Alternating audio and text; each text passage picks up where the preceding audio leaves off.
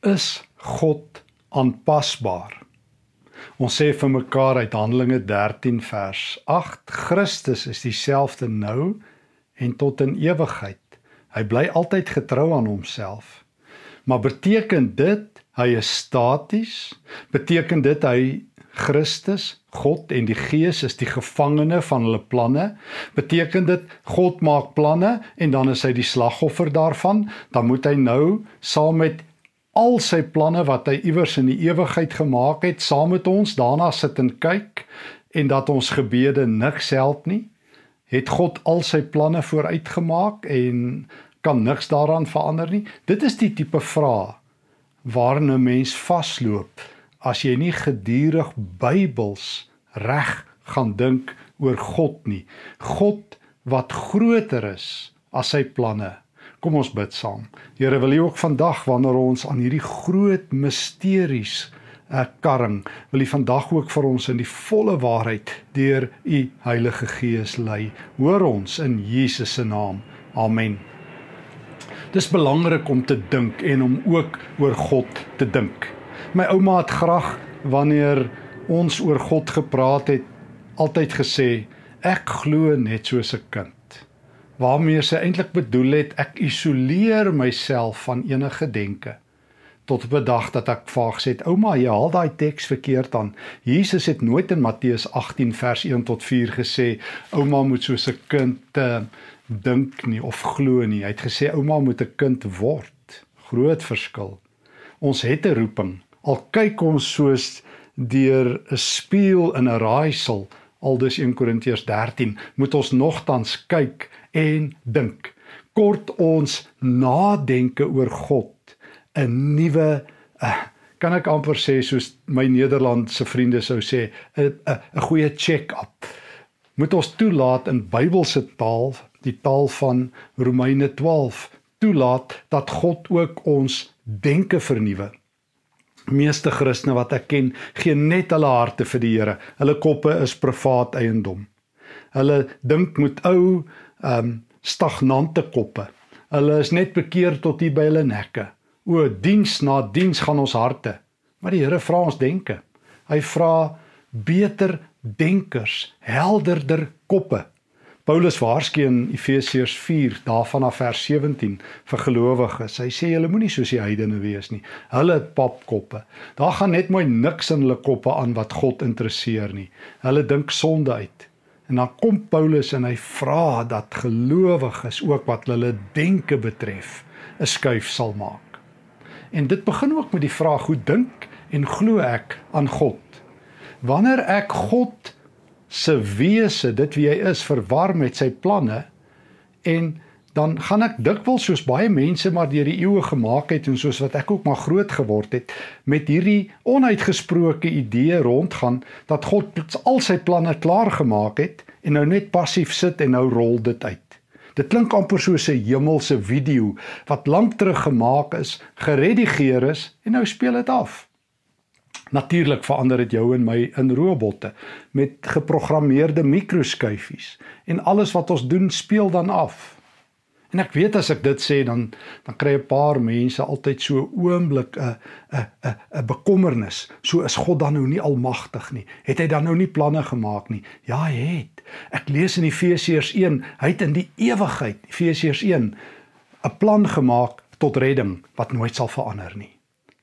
God se reddingsplan om sondaars te red. Dit is wie hy is. Maar meer as dit, God is groter as sy planne en meer as sy planne. God se wese bepaal sy planne. Kom ons kom ons praat nie te filosofies daaroor nie. Kom ons duik in die woord in en ons begin sommer daar in Genesis 2. Ons almal ken die Genesis verhaal, verhale, die twee skepingsverhale in Genesis 1 en 2. Terwyl die vliegtuig hier oor my vlieg, lees ek hoe dat die Here in die tweede skepingsverhaal uh vir die mens vertel daarin vers uh, 15 en 16 dat hy van al die bome in die tuin kan eet. Maar van die boom van alle kennis vers 17 mag jy nie eet nie. Die dag as jy daaraan eet, sal jy sterf. God is God se plan is helder. Eet van daai boom en jy gaan dood. Net 'n hoofstuk verder knibbel Adam en Eva aan die verbode vrugte. En wat gebeur? Hulle val nie dood neer nie. God verander sy plan. Maar hoor weer en dit het ek nooit mooi in die kerk geleer nie. Die onveranderlike God verander sy plan om by sy onveranderlike hart aan te sluit. God is groter as sy planne. Ek het al verwys na die Grieke se god Zeus. Hy was die gevangene van sy planne. Die ware God, die lewende God, die God van Abraham, Isak en Jakob se planne val in by sy wese. God is nie wispelturig nie. Hy maak nie nou so net nou so nie. Hy tree altyd konsekwent op volgens wie hy is. Hy is die almagtige. Dit was die ou groot denkende kerkvader hier van die 4de en 5de eeu Augustinus wat nagedink het oor die almag van God en hy het gesê God se almag is om te doen wat hy graag wil doen. God se wese bepaal sy planne. En daarom skuif God wat sy sy plan om mense te laat doodgaan volgens sy wese. God se wese is dat hy 'n goeie God is. In die eerste skepingsverhaal het hy gesê nadat hy die mens gemaak het, dit is alles baie goed. En nou breek dit sy hart, maar hy maak die mense nie onmiddellik dood nie. Dit gebeur weer 'n keer, presies dieselfde tipe scenario in Genesis 6. Hoor net. Genesis 6 vers 5. Toe die Here sien hoe groot die verdorwenheid van die mens op aarde is. En dat hy sy lewe lank net slegte dinge bedink was die Here bedroef daaroor dat hy die mens op die aarde gemaak het. Dit het hom diep gegrief. Die Here het gesê ek sal die mens wat ek geskep het wegvee van die aarde af. Mense en dier ook die wat kruip en die voëls want ek is bedroef daaroor dat ek hulle gemaak het. Hier is God se plan En en weer 'n keer, dis my verstommend mense wat so oor God se planne spekuleer en al hierdie spekulante en ek is nooit 'n geestelike spekulant nie. Ek spekuleer nooit teoreties of hipoteties oor God nie. Ek gebruik net die woord want ek het al gesien wat maak al hierdie spekulante. Hulle is verklaarders. Hulle sit langs 'n siekbed dan sê hulle ja, God het dit toegelaat sodat dat sou gebeur. Ehm um, so rukkie gelede toe my kosbare skoonmoeder oorlede is, het iemand ook juis gesê terwyl sy 'n lang lyding gehad het. Ehm um, die Here laat dit seker toe omdat daar nog boeke is wat sy nie toegemaak het nie. Toe sê ek mevrou, dis beter om maar dalk die regte boek oop te maak voordat jy uh so praat. Gemaak die woord oop en maak seker oor God se wil voordat jy 'n spekulant is. Ehm um, want want ehm um, hier het ek in Genesis 6 'n duidelike riglyn dat God 'n plan het. En hierdie plan is hy gaan hy gaan die mensdom uitwis. Maar net daarna, net daarna, hoor nou, een van die grootste tekste in die hele Bybel, vers 8, maar Noag is deur die Here begenadig. God besluit dis wedstrydpunt vir die wêreld. Daar is niemand op hierdie aarde oor nie. En as daar een man wat in God se pad staan. En nou sê ons vir mekaar, kom ons volg ons lyn volgend. God is onveranderlik wat sy wese betref. Wie is God? Hoe is die skepper van hemel en aarde, maar hy is die God met 'n hart. Hoe klop God se hart? As ek my geestelike oor teen God se hart klop sit, hoe klink dit? Liefde. Wanneer die eerste Johannesbrief God se wese in 'n enkel sin saamvat, dan roep hy dit uit God is liefde. Wanneer Paulus vir die Efesiërs in Efesiërs 2 die wese van God beskryf, dan sê hy God is ryk in jammerhartigheid, in omgee en hy het ons baie lief. En daarom loop hierdie omgee en hierdie jammerhartigheid oor in dade. Wat 'n tipe dade? Omgee, deernis, medelee, hulp. Nee, die hoogtepunt van die liefde van God in Johannes 4 is nie die liefde wat jy en ek vir hom het nie, maar die liefde wat hy aan ons bewys waar by 'n houtkruis. So as jy wil weet wie is God, moenie oor hom spekuleer nie. Moenie hierdie teoretiese standpunte hê oor sy wil nie. Ek het al gehoor wat mense oor God se wil sê en dan skud ek my kop van 'n toelatende wil en 'n vrye wil en ek weet nie wat alles nie. Bybel is glashelder. God se wese uh kry uitdrukking in sy planne en sy planne korreleer met sy wese. En God se wese is liefde. En daarom in Genesis 2 as die eerste mense sondig, verander God aan sy plan. Uit genade doen hy dit. En daarom weer 'n keer in Genesis 6 wanneer die hele wêreld, waaragtig die hele wêreld sondig na een man oorbly wat regverdig lewe. En ek bedoel ons sê dit gaan sleg in ons dag en dit gaan Maar weet jy wanneer gaan dit sleg in die wêreld wanneer daar een regverdige in die hele wêreld oorbly? God kyk van die noordpool na die suidpool, van die ooste na die weste, van Europa na Afrika, net Noag staan in die pad. En dan spaar God die wêreld. Onthou hom eendag in die hemel as jy Noag vasloop vir hom baie en spesiaal te gaan dankie sê, want die genadige God kyk na mense en met sy hart wat liefde lek red hy wanneer hy moet straf. Ja, ek hoor baie mense sê ons preek te min straf. Ek het dit al baie gehoor. Dan vra ek altyd vir hulle, is God se karakter straf?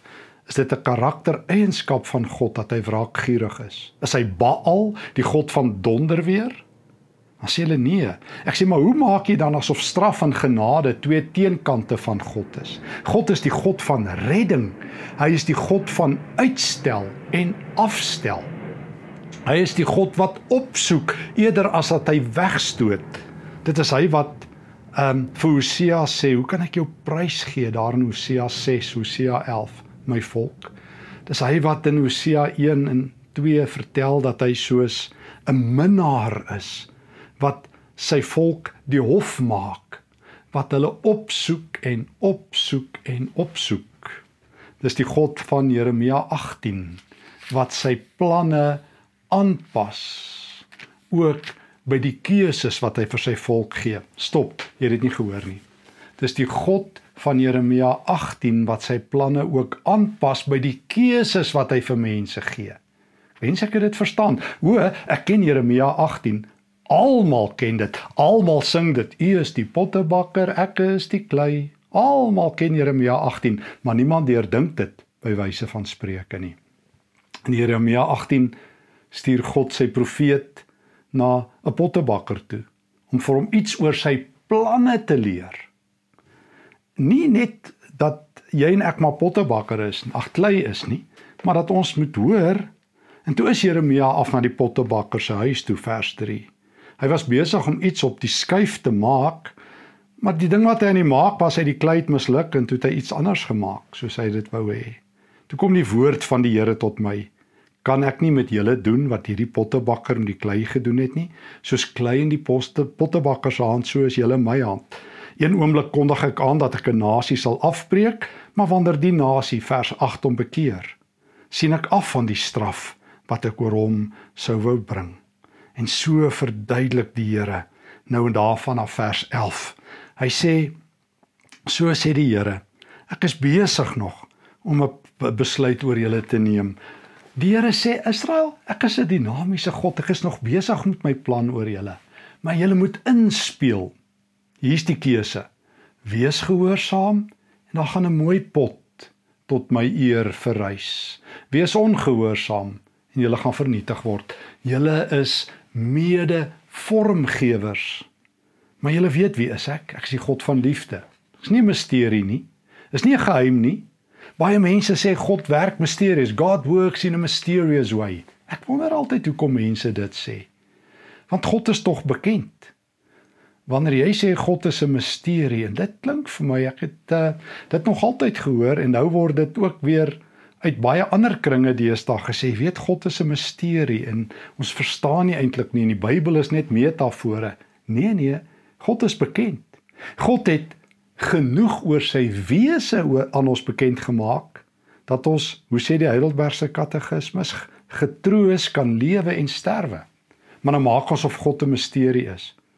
Hy is groter en hy is meer as alles wat ek oor hom weet en glo, maar hy's nie anders nie.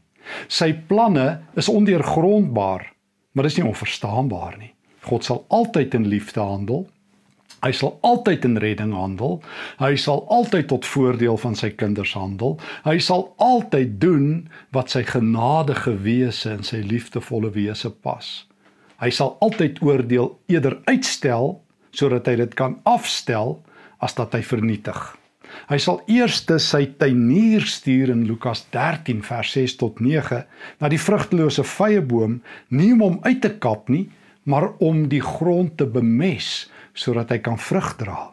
Ja ja, God sê daar gaan 'n dag kom dat hy sal oordeel. Daar is ook 'n reaksie wanneer mense God se genade verwerp, maar maar sy eerste aksie is om dit uit te stel. Sy woede waarvan Romeine 1 praat, wat waar Paulus daarvan af vers 18 vertel God is woedend, is 'n reaksie, nie 'n proaksie nie. God is onveranderlik wat sy liefde betref, maar hy's veranderlik wat planne betref wat inpas by sy redding. Daarom, daarom gaan kyk na die pottebakker. Gaan kyk na die klei. Ek is nog besig om 'n plan te maak. Sorg dat dit 'n goeie plan is. Geen wonder nie dat daai vriend van ons Jona ehm um, so kwaad word. Jona is 'n um, interessante profeet. O, ek hou niks van Jona nie. Uh, hy hy hy is ehm um, hy is nie my gunsteling profeet nie. O, die God van Jona is my gunsteling boek oor uh God in die Ou Testament amper. Maar nie Jona nie. Jona ehm um, vlug. God wil hom in Tarsus sê, ag in Ninive en hy vlug Tarsis toe, die Hebreëse woord. Ehm um, God moet 'n storm stuur om Jona weer op koers te kry. Uiteindelik dan kom hy in die vis daar in Jona 2 tot inkeer en dan gaan preek hy. Maar jou werklik waarde is die vrotste preek in menslike jeugenis. Nog net 40 dae dan word Ninive verwoes en dan sê die mense en wat? Dan sê en amen. Sê hulle niks genade nie, hy sê niks genade nie. 40 dae, 40 days en dan gaan sit Jona ehm um, op sy eie ehm um, 'n plekkie en dan wag hy vir vuurwerke. Die koning van Ninive hoor God se hart. Jona maak die plan bekend. 40 dae dan sit verby. Die koning breek deur agter die plan na die hart van God. Hoor net wat doen die koning in Ninive. Um um die mense van Ninive 3 vers 5 het toe in God geglo en het 'n dag aangekondig om te vas. Die berig het by die koning uitgekom. Hy het vasklere aangetrek. Mense en dier laat vas. Hoor wat sê die koning? Dit is aangrypend. Vers 9. Miskien sal God van plan verander en nie meer kwaad wees nie, dan sal ons nie omkom nie. Die koning verstaan God beter die heidense koning as sy profeet. Hy verstaan God beter as baie selfaangestelde en formeel aangestelde verklaarders van God in ons dag. Die God van die Bybel is onveranderlik, gister en tot in ewigheid dieselfde. Hy's die God van redding van Genesis 1 tot by Openbaring en daarom kan ek aan sy deur klop en daarom het gebed 'n effek en daarom hoor God want die koning weet God is groter as sy plan om te oordeel. Toe God sien wat hulle doen, Jona 3 vers 10 en hoe hulle hulle bekeer van hulle verkeerde dade, het hy afgesien van die ramp wat hy sou doen en toe was Jona briesend. Soos wat ek al beleef het mense briesend is as hulle eie idee van hierdie onveranderlike God in skerwe spat. Hulle idee, want God is onveranderlik. Sy wese is dat hy die God is wat trou is aan homself en daarom red God vir Ninive. Die tragedie is dat Jona 4 'n tantrum is van die profeet se kant af. Hy kan dit nie vat nie. Hy is briesend. Hy wil God forceer om te kies tussen Ninive en homself. Hy dryg God met sy eie lewe af. Hy sê Here, dis of u gaan nou van my hou of van hierdie spilheidene. En dan uh, eindig die boek met 'n oop einde waar God eintlik vir Jona uitdaag om om sy genade hart te hê. So weet jy wat leer ek uh by by by Jeremia en by die boek Genesis en by die boek Jona dat God is wie hy is van altyd af.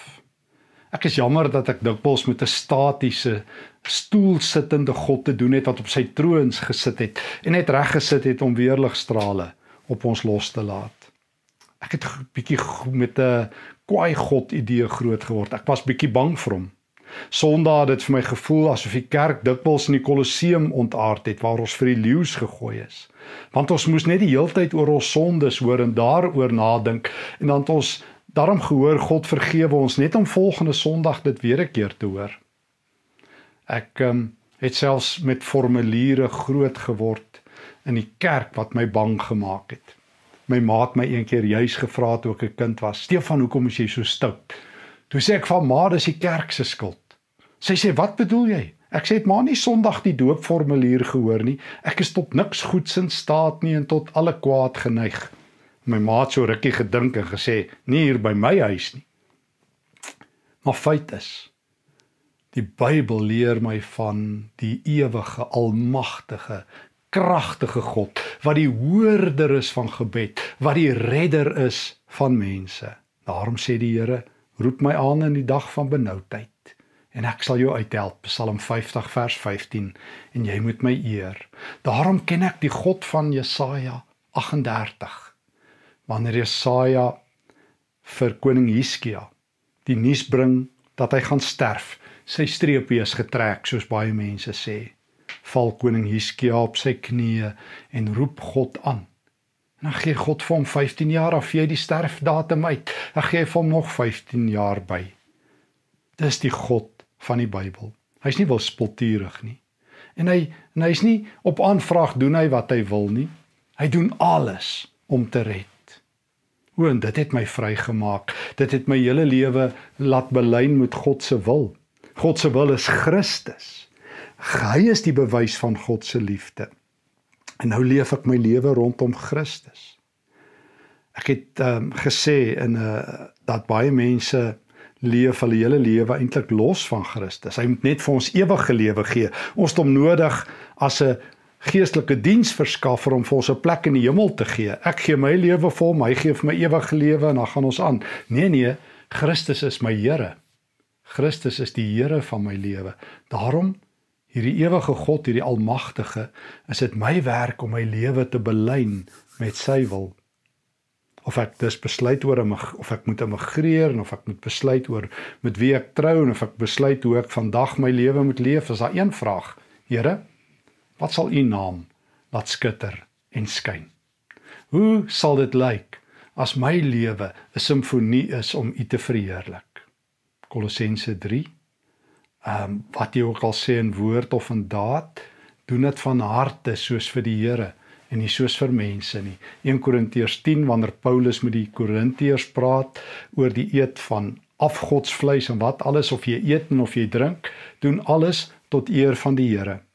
So waar en hoe word Christus verheerlik? Hoe belyn ek my lewe en my wil met die wil van Christus? Dit is die groot uitdaging. Dit is hoe ek God reg en beter verstaan en dien. Nee, ek is nie uitgelewer aan die bose nie. Ek is nie uitgelewer aan 'n wispelturige God nie. God het nie 'n plan wat maar afspeel soos wat hy wil nie. Hy's die dinamiese God, die almagtige. Hy forceer hom nie, maar hy's nog steeds die Here wat in beheer by my lewe is. Daarom al gaan dit woes, al gaan dit rof soos wat dit gaan, weet ek God is wie hy is. As ek aan sy deur gaan aanklop, klop ek aan aan, aan 'n deur in Jesus naam wat sal oopmaak.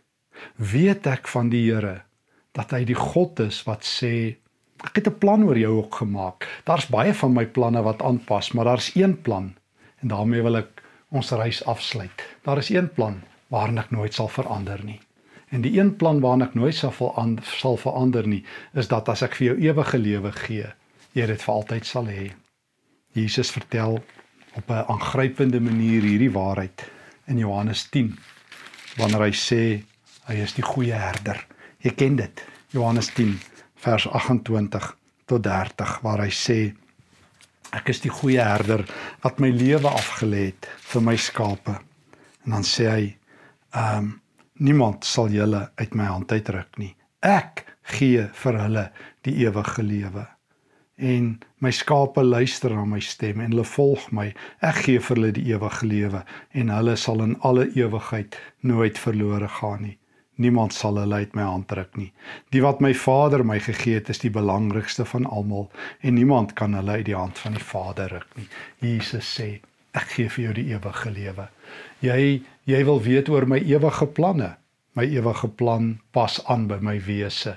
Ek is die God van redding en genade. Ek is die God wat van Genesis 2 na Genesis 3 skuif wat my plan betref en wat 'n wêreld red as gevolg van een Noag en wat Jeremia na die pottebakker toe stuur om te leer julle moet met my saamwerk. En wat Jona Ninive toe stuur sodat 'n koning my hart kan leer ken bokant my plan. En wat vir Jesaja um 15 jaar se lewe kan gee omdat hy my wil verheerlik so Nou leer ek ook vir julle in Johannes 10. Ek het een plan. Ek het julle in my hande opgetel. Wanneer ek jou red, nie wanneer jy jouself probeer red nie, wanneer Christus jou red, sal niks of niemand tot in ewigheid jou uit my hand ruk nie. Daar is altyd net een ry spore. Dalk ken jy ook daai ou kaartjie. En ek moes al 'n paar keer in my lewe het ek gesê ek verdedig nie die Bybel teen 'n kaartjie nie. Want baie mense sê dis so mooi, daar's hierdie twee rye spore en dan vertel iemand as daar 'n krisis kom, dan tel die Here jou op, dan sal nou net een ry. Wat? Regtig? In die lig van Johannes 10, daar's altyd net een ry spore. Jesus dra ons altyd. Ek onthou, ek het eendag gesien in 'n in 'n natuurprogram hoe land 'n pelikaan. Hulle vlieg baie grasieus, maar hulle land nie lekker nie, so half kop onderste bo. En ek vermoed altyd dit sal ook gebeur as die Here Jesus my nou net dra as daar 'n krisis is en dan weer sê Stefan, nou is jou krisis oor, nou sal weer 10. Ander mense in Suid-Afrika kom ek tel hulle in en sterkte vir jou as ek jou neersit as jy so holderste bolderland. Nee, Jesus sê dit is my plan as die ewige God om julle te hou, hoe sê Max Lucado in the grip of grace. Jesus hand en God se hand bo oor. Ons is in die hande van die Here. Wat 'n God. As ons dus vandag vir mekaar sê die onveranderlike God is aanpasbaar, dan sê ons vir mekaar sy wese bepaal sy plan ook in my lewe. Maar een ding weet ek, tot in ewigheid behoort ek aan die Here. Kan ek Filippense 1 glo vers 6 en verder wat sê God sal die goeie werk wat hy in ons begin het klaar maak op die dag van die Here. Ek dien die Almagtige, die Skepper van hemel en aarde, wat in Christus sy liefde aan my bewys het, wat sy Gees oor my uitgestort het, die Gees van Efesiërs 1 vers 13 en 14, wat die wenpaal waarborg, my erfporsie waarborg, my gebou het om vir ewig by die Here te wees. Daarom kan ek saam met Paulus in Romeine 14 vers 7 tot 9 uh 'n belydenis maak en ek wil dit graag vir jou lees. In Romeine 14 is vir my van die grootste teks ooit in die hele Nuwe Testament wat die minste Christene ken. Dit het vir my my lewensteks geword. Daarom kan ek nou soos volg gaan lewe. Nie een van ons leef vir onsself nie. Ook gaan nie een van ons dood vir onsself nie. As ons leef, leef ons om die Here te eer. As ons doodgaan, gaan ons dood om die Here te eer. Dus of ons lewe en of ons doodgaan, ons is die Here se. Ons behoort aan hom. Prys sy groot naam. Kom ons bid. Here Jesus, dankie dat ons vir U kan lewe en vir U kan sterwe. Ons prys U dat U wat die almagtige is met ons onderweg is in Jesus se naam. Amen. Vrede vir julle.